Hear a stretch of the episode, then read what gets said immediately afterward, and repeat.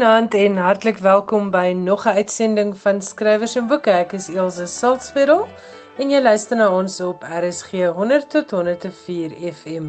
Baie dankie dat jy saam met ons voor die radio kuier. En onthou as jy mense in die buiteland het, herinner hulle daaraan dat ons ook beskikbaar is op die internet. Hulle kan doodgewoon gaan na www.rsg.co.za en dan daar aanlyn luister. In finansie uitsending luister ons na twee bydraes deur Johan Meiburg. Verlede week sin kon nie uitgesaai word nie.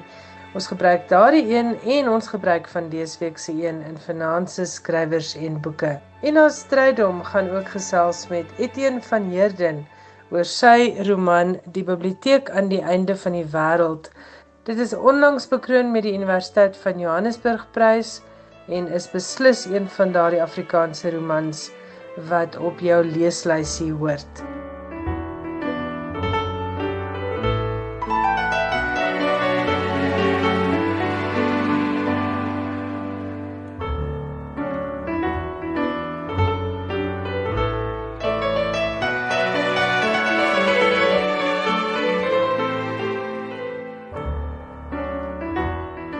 Maar eers 'n bietjie ander nuus uit die letterkunde wêreld.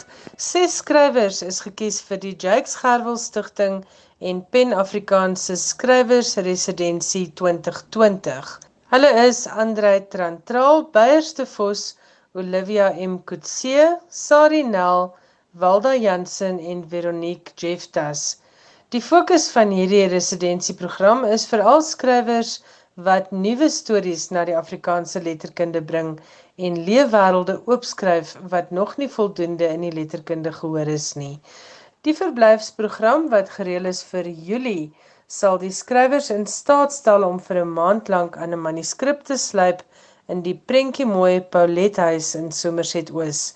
Die Jakes Gerwel Stichting dek die kostes van die skrywers se verblyf, insluitende internet, skoonmaakdienste, etes, retourkaartjies na Port Elizabeth en vervoer van en na die lughawe. So dis 'n wonderlike prys en dit is baie goeie werk wat hier gedoen word deur die Jakes Gerwel Stichting en Pen Afrikaans. Aan die ses skrywers wat gekies is, Andre Trantraal, Beyers de Vos, Olivia M Kutse, Sarinel, Walda Jansen en Veronique Jeftas. Geniet dit, lekker skryf en ons kan nie wag om julle romans te lees nie. Jy luister na skrywers en boeke op RSG. Die biblioteek aan die einde van die wêreld, Etienne van Heerden se jongste roman, het einde 2019 by Tafelberg Uitgewers verskyn. Frederik Botha beskryf dit as 'n roman wat uiteindelik ook dien as biblioteek van van Heerden se eie oeuvre. Ina Strydom gesels nou met Etienne van Heerden oor die biblioteek aan die einde van die wêreld. Lekker luister.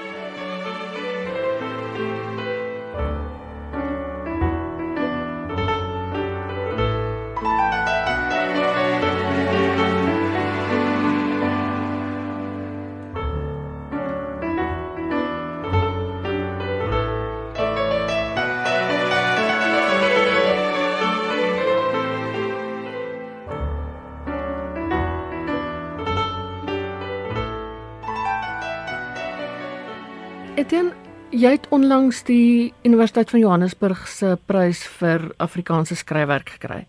Wat beteken pryse vir jou? Jong, die interessante ding, hoe ouer mens word, miskien beteken dinge vir jou dan meer. So ek is maar iemand wat altyd voel elke boek is 'n debuut. Dis 'n dis 'n nuwe teks. Dis dis iets wat wat geskep word asof daar niks voor voor dit bestaan nie. Jy weet so as mens dan 'n toekenning kry, is dit werklik 'n besondere ding en 'n groot eer. Baie sterk prys uit 'n goeie tradisie. Uh, interessante toekennings wat gemaak word. Altyd so ek ek was baie baie bly om te hoor. Dis die tweede keer dat jy dit gekry het, nie waar nie? Ja. Die biblioteek aan die einde van die wêreld was vir my 'n baie onthutsende storie. En agterin ja. skryf jy dis 'n voorlopige optekening van die geskiedenis. Wat het jy daarmee bedoel?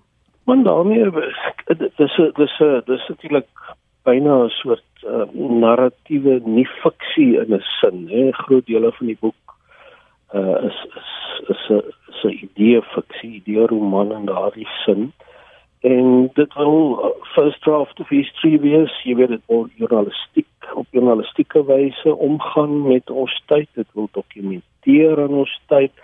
Dit wil dokumenteer aan die taal. Jy weet die frases die die argumente. So die hele ideolek van 'n tyd probeer dit vasvang. En in die sin is dit 'n tydsdokument. Jy weet dit is werklik the first draft of history en uh, mense nou moet kyk uh, jy weet hoe dit dateer want want um, die verlede uh alwees in en die hede haal jou in en die toekoms haal jou in. So hoe gaan ons oor 10 jaar terugkyk na hierdie verlede? Jy weet waar waar ons nou is wanneer dit verlede is. So dis 'n risiko wat 'n skrywer neem om hierdie soort van dokumentêre roman te skryf. En jy weet nie jy weet hy gaan dalk soos 'n koerant wees waar mens fish and chips toe draai eendag ek weet nie. Maar ek weet wel dat ek hard probeer het om om vas te vang aan ons tyd om om verslag te lewer en so en dit gaan natuurlik terug na my generasie jy weet se se instelling dat die skrywer 'n soort dokumenteerder is van die jare 80 toe ons geskryf het oor die politiek in die land en dat 'n skrywer 'n soort uh, opdrag het ook om om om jy weet om sê te werk aan 'n groot kennisbiblioteek van sy of haar eie tyd. So die boek wil ook 'n soort op sigself 'n soort biblioteek wees. Jy weet dit tyd vasvang. So die die die eye fiction, die ek fiksie, die fiksie, jy weet jy loop in die oog wat jy het, jou eye, jou oog. Daardie bekende argument dink ek uh, hou water vir die boek. Hmm maar met risiko's, né? Ja, ja. ja. Ja, want dis goed soos identiteit en ons gedienstigheid aan politieke korrektheid en sosiale media en die gevare daar rondom. Al hierdie goed het jy baie duidelike temas in die boek gemaak. Ja, ja. Ja. Kyk die die die biblioteek gaan natuurlik in die eerste plek oor hierdie ruimte wat uh, een brand die karakter ja. skep, jy weet waar alle tekste wat ooit oor die Karoo geskryf is bymekaar kom en maar ook is dit 'n soort museum want dit is 'n ongemaklike plek tekste wat mense ongemaklik maak word daar uitgestal maar ook artefakte jy weet soos 'n hm. pasboek uit die apartheidstyd hm. en so voort so jy eh, dis 'n ongemaklike ruimte wat wat wat geskep word en en en in, in daai tyd uh waarmee toe hy nou daarmee besig is, jy weet, was dit verskriklike identiteitsdebatte in Suid-Afrika veral op die kampusse. Ja. Waar studente baie begaan was oor oor hulle ervaring, hulle belewenis, hulle lived realities, wat studente kos dit genoem het. En die identiteitsdebatte wat ook Afrikaans sprekendes hard getref het en en moes laat nadink het. So identiteit 'n groot tema, maar wat interessant is, as mens kyk na die in Suid-Afrika, die resepsie van die boek deur Afrikaans sprekendes, is dat hulle al die klem laat val, almal nie maar hoofsaaklik laat val op op hierdie identiteitskwessie, iewe dat die boek gaan oor wie is ons? Ja. Ons is in 'n land met verskillende mense en almal het ander lewenservarings, anders ander geskiedenisse hoe ervaar ons die lewe? Jy weet wat onthou ons, wat vergeet ons? Dat dat resensente maar ook in gesprekke met lesers. Dit was die groot ding wat mense geboei het want ek dink dit is baie voorop in ons almal se koppe. Ja. Maar die boek werk ook met die groter identiteitsvraag wat wêreldwyd so belangrik is en dit is die kwessie van jy weet die groot biblioteek aan die einde van die wêreld, naamlik die internet wat soveel weet van ons. Die databiblioteek. Elke keer as jy na 'n nuwe webwerf gaan, gee jy toe dat hulle inligting oor jou kan berg, byvoorbeeld klein voorbeeld. En dan natuurlik sigbewaking of surveillance, nee, die hele dophou kwessie wat China also verfyn het. Uh en al daardie inligting wat oor elke individu dan versamel word iewers en besit word iewers Dit is dan ten slotte die biblioteek aan die einde van die wêreld.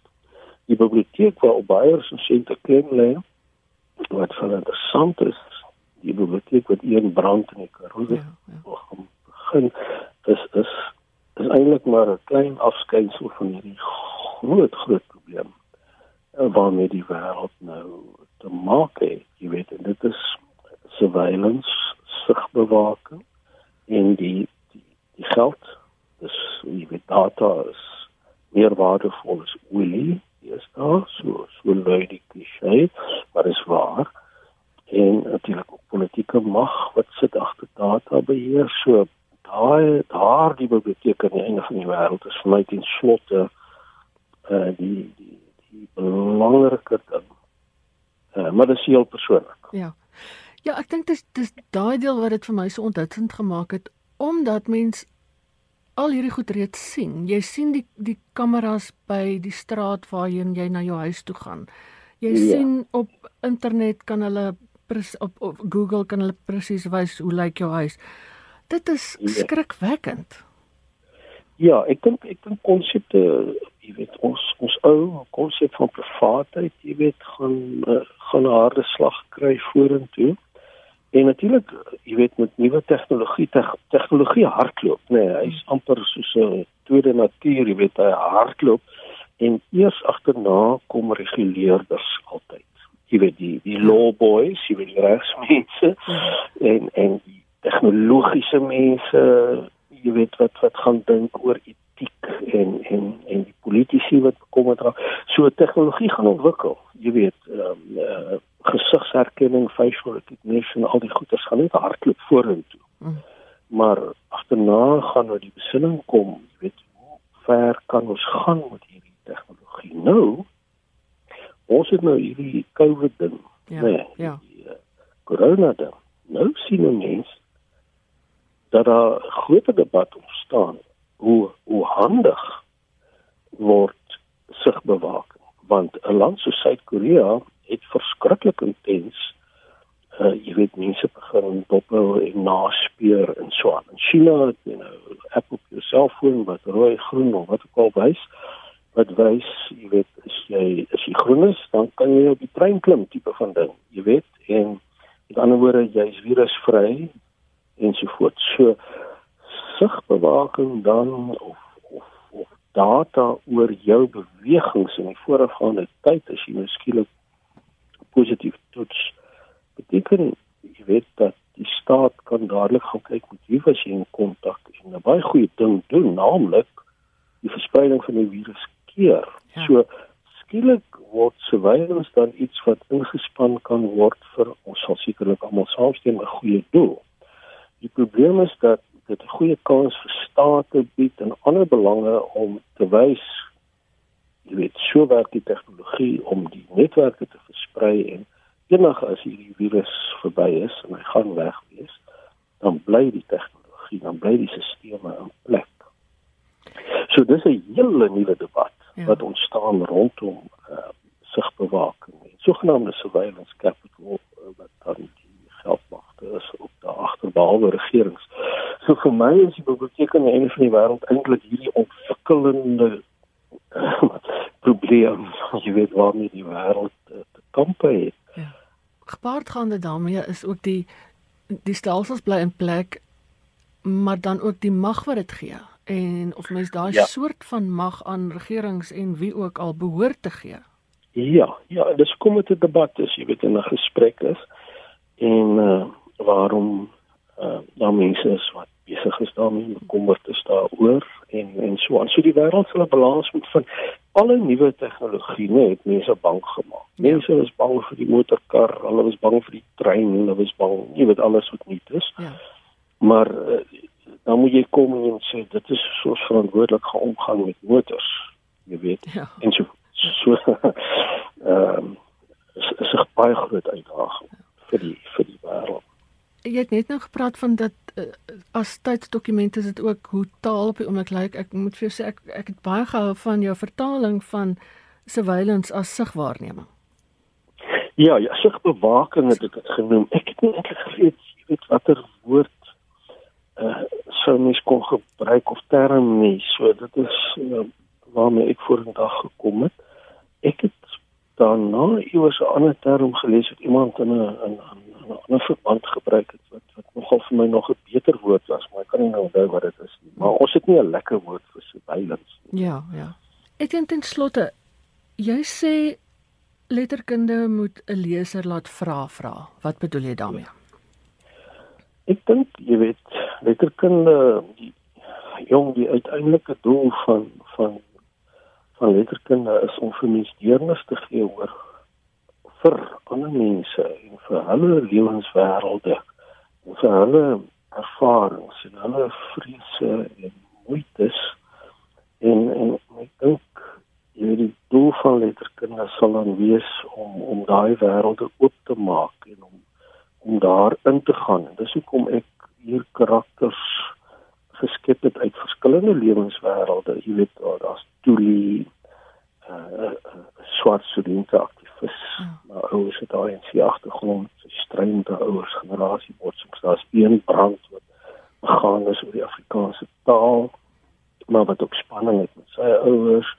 Jy weet, daar verskillende ander karakters wat wat ontplooi word en elkeen se lewenswêreld, sy ervaring, sy tekstuur het ek probeer uitbeeld so goed te kon. Jy weet ek om in te leef en dit is dit is iets wat fiksie kan doen wat uh kom ons sê 'n meningsartikel oor 'n tyd in ons geskiedenis nie kan doen nie. Ja. Jy weet sinema historikus of politikus of 'n gesoute joernalis skryf 'n meningsartikel.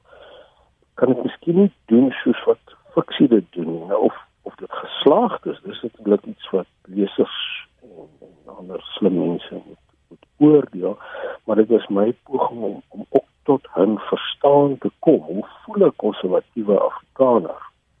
Hoe kom voel hy so? Jy weet hoe voel 'n swart student aktivis op die kampus van die Universiteit van Kaapstad wat deel is van Feesmas vol en hoe kom voel hy so? En om dit neer te sit en dan 'n soort argument te voer aan die hand van daardie uitgebeelde wêrelde. So dis dis wat ek probeer doen dit and it's the first draft of history nee dit is ja ons weet nie hoe dit sal vaar vorentoe dit was Ina Strydom in gesprek met Etienne van Heerden. Die biblioteek aan die einde van die wêreld word uitgegee deur Tafelberg. Nou luister ons na Johan Meiburg se eerste bydrae vir vanaand. Soos ek reeds gesê het, ek het besluit om verlede week se bydrae wat nooit uitgesaai is nie, weens die president se toespraak te behou en om vanaand nog 'n bydrae van Johan Meiburg uit te saai. In hierdie bydrae gesels Johan onder meer oor Marguerite Poland, 'n Suid-Afrikaanse skrywer wie se jongste werk pas vir 'n groot internasionale prys benoem is. Skrywers en boeke, alles wat jy oor die boekewêreld wil weet en meer. Die 27-jarige Brian Washington is met sy kortverhaalbundel Lot aangewys as die wenner van die 2020 Dylan Thomas Prys. Dis die prys wat deur die Universiteit van Swansea in Wallis geadministreer word en genoem is na die Walliese digter Dylan Thomas. Een van die voorvereistes van die prys is dat die kandidaate jonger as 39 moet wees, die ouderdom waarop Thomas dood is in 1953. Lotus Washington se debuut, hoewel sy skryfwerk gereeld verskyn in publikasies soos The New Yorker, The New York Times, New York Times Magazine, BuzzFeed, Vulture, The Paris Review en GQ. Daai Smith, sameroeper van die beoordelaarspaneel, het Lot beskryf as 'n bundel kortverhale wat daarin slaag om te doen wat alle goeie fiksie behoort te doen. Vind 'n styl wat 'n wêreld kan ontsluit wat voorheen onbekende terrein was en doen dit met insig en grasie. Washington woon in Houston, Texas en dit is ook die plek waar die kortverhale geplaas is. Een resensent het die bundel beskryf as 'n liefdesbrief aan Houston. Ocean Wong, die Vietnamees-Amerikaanse digter wat ook vanjaar op die kortlys was vir die Dylan Thomas Prys met sy debuutroman on Earth We Briefly Gorgeous, het in 'n bespreking in GQ so oor Lot geskryf. Dis 'n bundel kortverhale met die gevoel van 'n roman, nie net omdat die karakters reg deur die boek herhaaldelik terugkeer nie, maar ook omdat die manier waarop Washington 'n omgewing vergestalt, 'n weier blik op Houston word wat 'n mens diep raak. Washington het die ongelooflike vernuf om in elke verhaal tekstuur te gee aan sy karakters en hul agtergronde. Dis 'n vreugde en inspirasie om dit gade te slaan, het Wong geskryf. Met prysgeld van sowat 675 000 rand is die Dylan Thomas Prys nie net 'n beduidende meevaller nie, maar ook een van die Britse letterkundepryse met die meeste prestige. Washington het in antwoord op die aankondiging gesê: "Dis 'n gawe wanneer 'n gehoortyd inruim vir jou stories. Soveel te meer wanneer jou werk erkenning kry op 'n platform van hierdie aard." Die kortlys vir die 2020 Walter Scott Prys vir historiese fiksie is ook intussen bekend gemaak. En die groot nuus is natuurlik die insluiting van die Suid-Afrikaanse skrywer Marguerite Poland se roman A Sin of Omission. Die ander benoemdes is twee Ierse skrywers, Christine Dwyer Hickey en Joseph O'Connor, en drie Engelse skrywers, Isabella Hamad, James Meek en Tim Pears. Christine Dwyer Hickey gee in The Narrow Land 'n fiktiewe portret van die Amerikaanse skilder Edward Hopper en sy vrou Josephine. Die boek speel af in die 1950s in Cape Cod in die VSA. Shadowplay deur Joseph O'Connor speel af in die laat Victoriaanse verhoogwêreld en die lewe van drie mense kom in die kollig. Die van Ellen Terry, haar minnaar Henry Irving en 'n Dublinse klerk wat verhoogbestuurder word, ene Bram Stoker. Dis natuurlik hy wat later bekend geword het vir sy gotiese gruwelroman Dracula. The Parisian is Isabella Hamad se debuut 'n roman wat afspeel voor die Eerste Wêreldoorlog en die leefwêrelde in Wes-Europa en die Levant, veral die van Frankryk en Palestina, vasgryp. James Meek plaas sy To Calais in Ordinary Time in die tyd van die Swart Dood van die 14de eeu, maar met heelwat betrekking op die tyd waarin ons lewe. The Redeemed deur die Engelse skrywer Tim Pears is die laaste boek in sy West Country trilogie, 'n boek wat afspeel in die tyd van die Eerste Wêreldoorlog, 'n tyd van ontbering waarin alles besig is om te verander en waarin die toekoms des te meer onseker is. Miskien het 'n mens historiese romans nodig om jou te herinner tye van ontsetting en onsekerheid is deel van die verhaal van die mensdom. Margaret Poland se roman A Sin of Omission speel af teen die einde van die 19de eeu en is die verhaal van Stephen Mzamane, 'n jong man wat opgelei is as priester eers in Graamsstad en daarna ook in Canterbury. By sy terugkeer na 'n sendingstasie naby Fort Beaufort in die Oos-Kaap, kry hy te doen met die vooroordeel van die gemeenskap en boonop met diskriminasie in die kerk waarbinne hy werk. Die beoordelaars het die boek beskryf as 'n belangrike maar terselfdertyd 'n verwikkelde verhaal, verhelderend weergegee deur Marguerite Poland. Die prys word gewoonlik in Junie aangekondig, maar tot dusver is geen verdere besonderhede bekend gemaak nie. Op 26 Maart, skaars 'n maand nadat Italië se eerste slagoffers van COVID-19 in die noorde van die land aangeteken het, het Paulo Giordano se jongste boek How Contagion Works die lig gesien. Giordano se debuutroman van 2008, The Solitude of Prime Numbers, is in meer as 30 tale vertaal en miljoene eksemplare van die roman is verkoop. Giordano is opgelei as wetenskaplike. In sy boek word beskryf as 'n kroniek van sy gedagtes en angs oor die uitbreking van die koronavirus.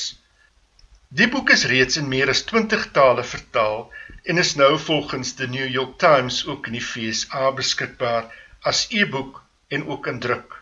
En in Brittanje word dit uitgegee deur Bloomsbury. Oor die spoed waarteen Giordano gewerk het, het hy opgemerk as die nood wat gepaard gaan met die virus oor is, gaan die onmiddellike bewussyn daarvan ook met een oorwees. Ek wou nie dit inboet wat die epidemie oor onsself sê nie. Hier is Paulo Giordano aan die woord oor sy siening van die verband tussen natuurwetenskappe en kreatiewe skryfwerk.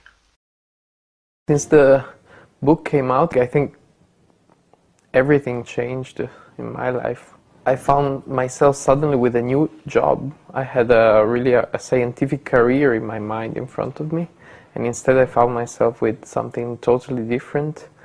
And well, we often think about success in terms of fame, uh, but I, I don't think this is something that a writer really looks for because you choose to write because you want to be protected by the page, by the book itself. So writing gives you time to think anytime you, you have to say something.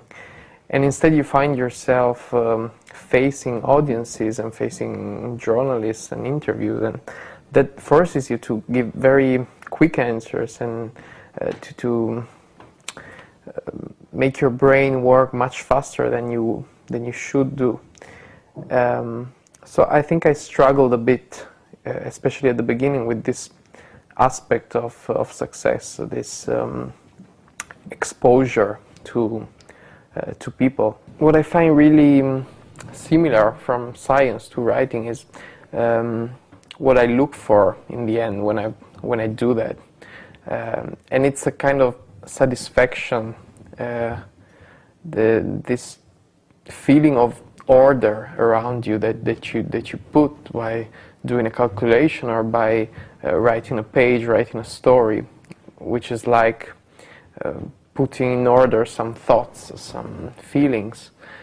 Um, but of course, with literature, you build your own rules anytime. Of course, you have the structure of the language, and you cannot escape that. But uh, the rules you are playing in, you can build them anytime anew. So I feel more free when I do it. In science, you really probably you have only one uh, exact result, one exact calculation for what you're doing, and you really have to find that one. And if you don't find it, um, then you, you're failing. So this was always very hard for me to to uh, to handle.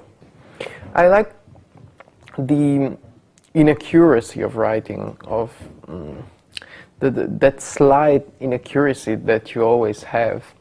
Um, of course, you also have it in physics, and every physicist knows that um, inaccuracy is part of every physics calculation. Um, there's always a, an error associated to whatever you, you measure and calculate. But in physics, you always struggle with it whereas in literature you kind of play with it. And always also when you when you build metaphors i, I think the, the, the most beautiful thing about metaphor is that there is always some ambiguity in them. They're not precise they are not exact and that uh, space of um, ambiguity is really what is most fascinating to me. Skrywers en boeke. Alles wat jy oor die boekewêreld wil weet en meer. Johan Meiburg, baie welkom by my in die ateljee. Waar gesels ons vanaand? Well, we were the last romantics. Het William Butler Yeats in die gedig Cool in Ballylee 1931 geskryf. Dit mag so wees, maar Yeats het die gawe gehad om beiderwets te bly tot so mate dat hy te gelyk ook een van die eerste moderne digters van die 20ste eeu sou kon wees. In vanaand se bydra het ek 3 gedigte van die Ierse digter ingesluit.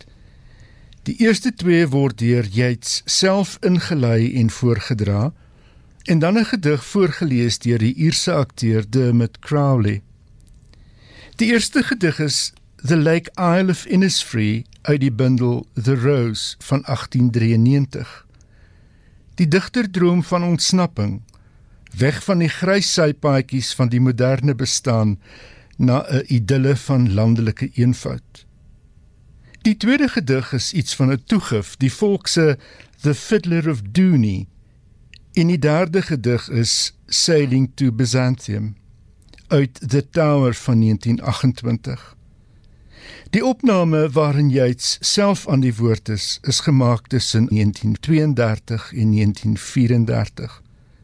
Yeats is in 1939 op die ouderdom van 72 dood.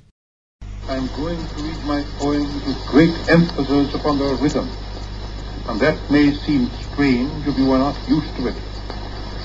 I remember the great English poet, William Morris, coming in a rage out of some lecture hall where somebody had recited a passage out of his Seagull of Alston.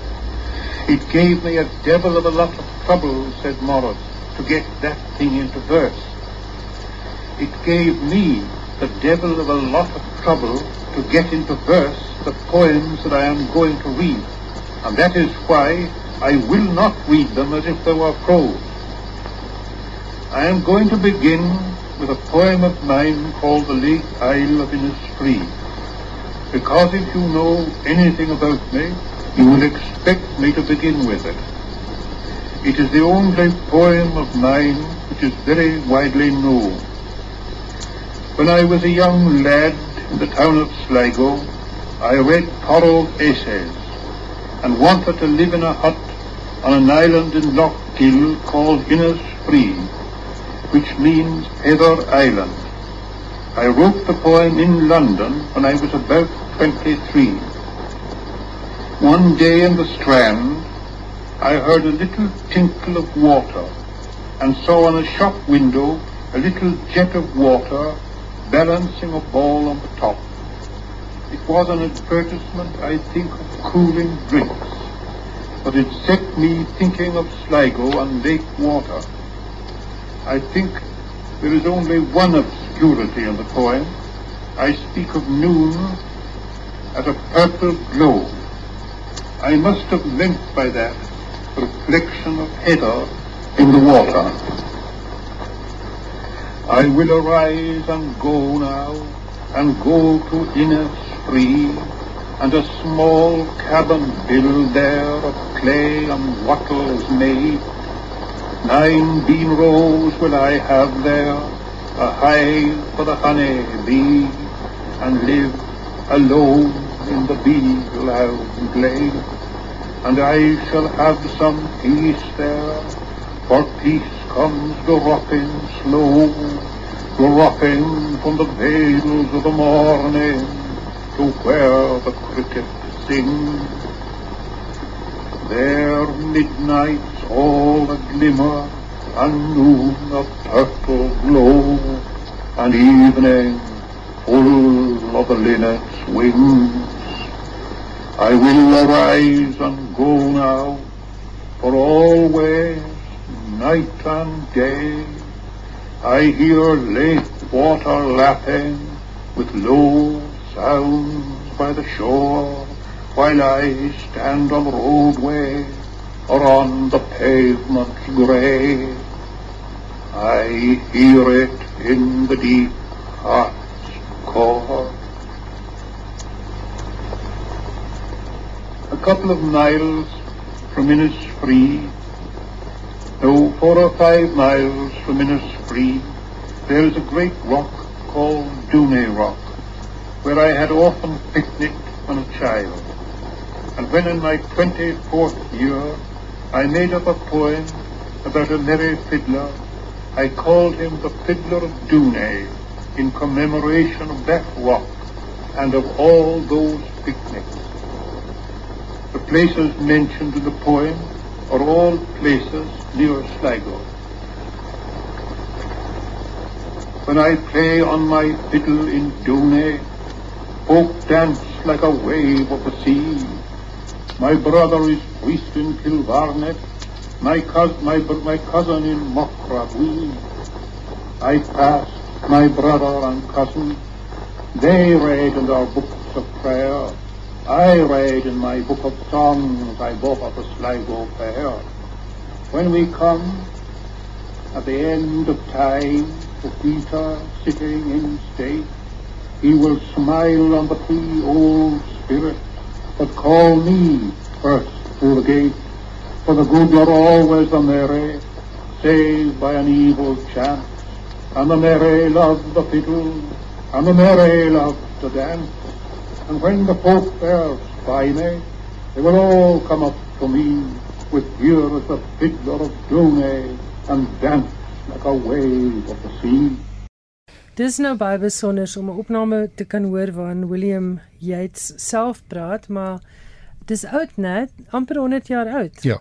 En Ja, ja. wel 90, Ja, ten ja. minste 90 jaar oud. Krakerig, maar is daar. Dan 'n gedig voorgeles deur die Ierse akteur Dermot Crowley. I love it because it deals with big themes. It's about life and death and mortality. What happens to us, if anything? Um, do we just fade away uh, when we die?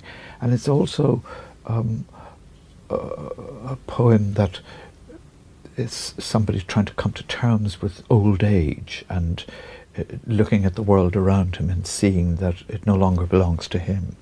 Um, it belongs to the youth uh, and to the birds and the trees. And so uh, he, he, he wants to find a way out of this life um, into uh, something more esoteric, I think. But it's, it's so magnificently written, and there's a terrific rhythm to it, and the observation of uh, uh, of himself uh, and lines like uh, you know a, an old man uh, is like a, a, tattered coat upon a stick, uh, so astonishing and startling imagery, and that's why I like it. That is no country for old men. The young in one another's arms, birds in the trees, those dying generations at their song.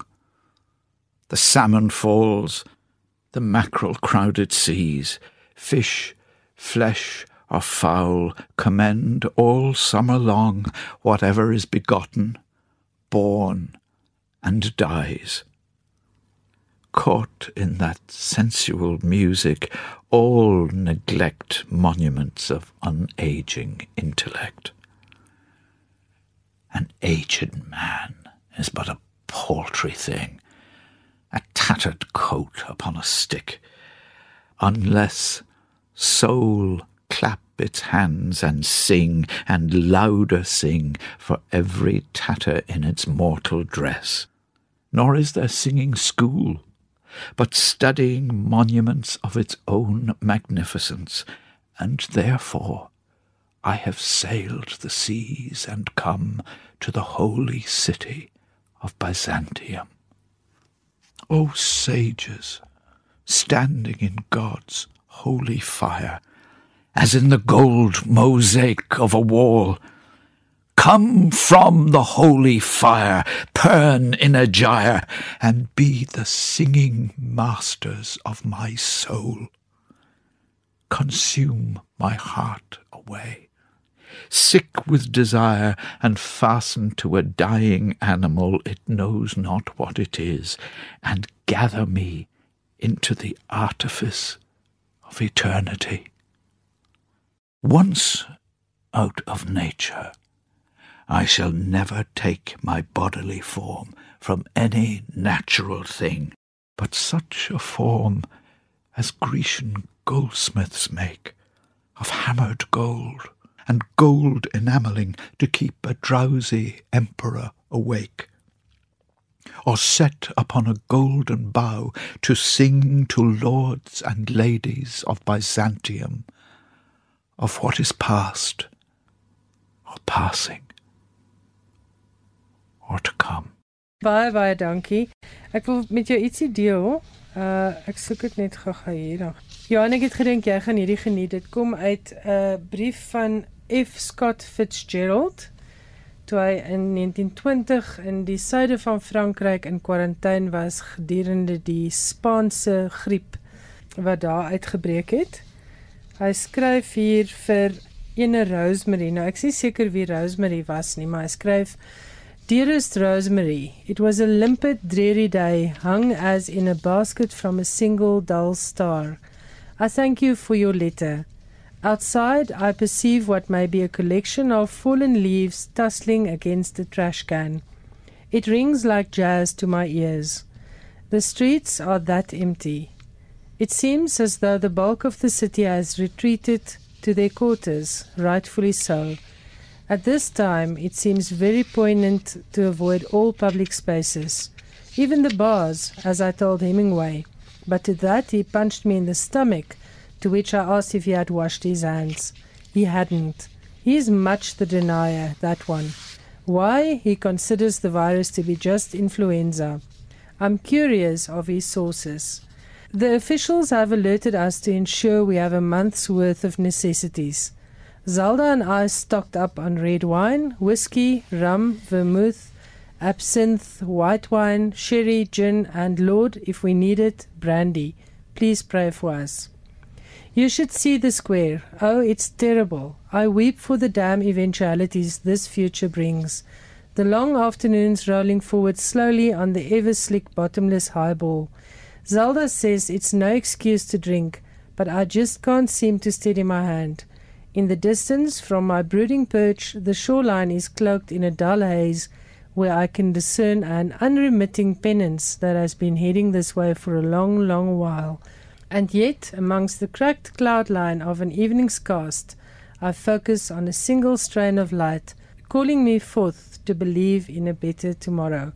Faithfully yours, F. Scott Fitzgerald. Ongelooflik. En daai woordprentjie wat hy Ja, skilder, hè? absoluut, né? maar ons hoop maar hy het nie nodig gehad om brandewyn te drink nie. Lees jy lysie weer?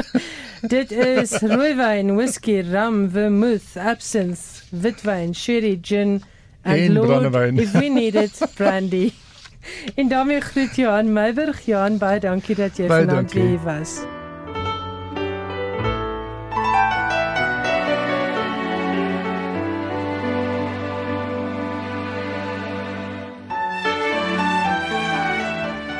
En dit was dan Finanse Skrywers en Boeke. Baie dankie dat jy saamgeluister het. Ek is Elsje Salzveld. My e-posadres is skrywersенboeke@rsg.co.za en die SMS-nommer in die ateljee is 45889. Tot ons weer saamkuier volgende Woensdag aand om 8uur. Geniet die res van Finanse programme en bly ingeskakel op RSG. Totsiens.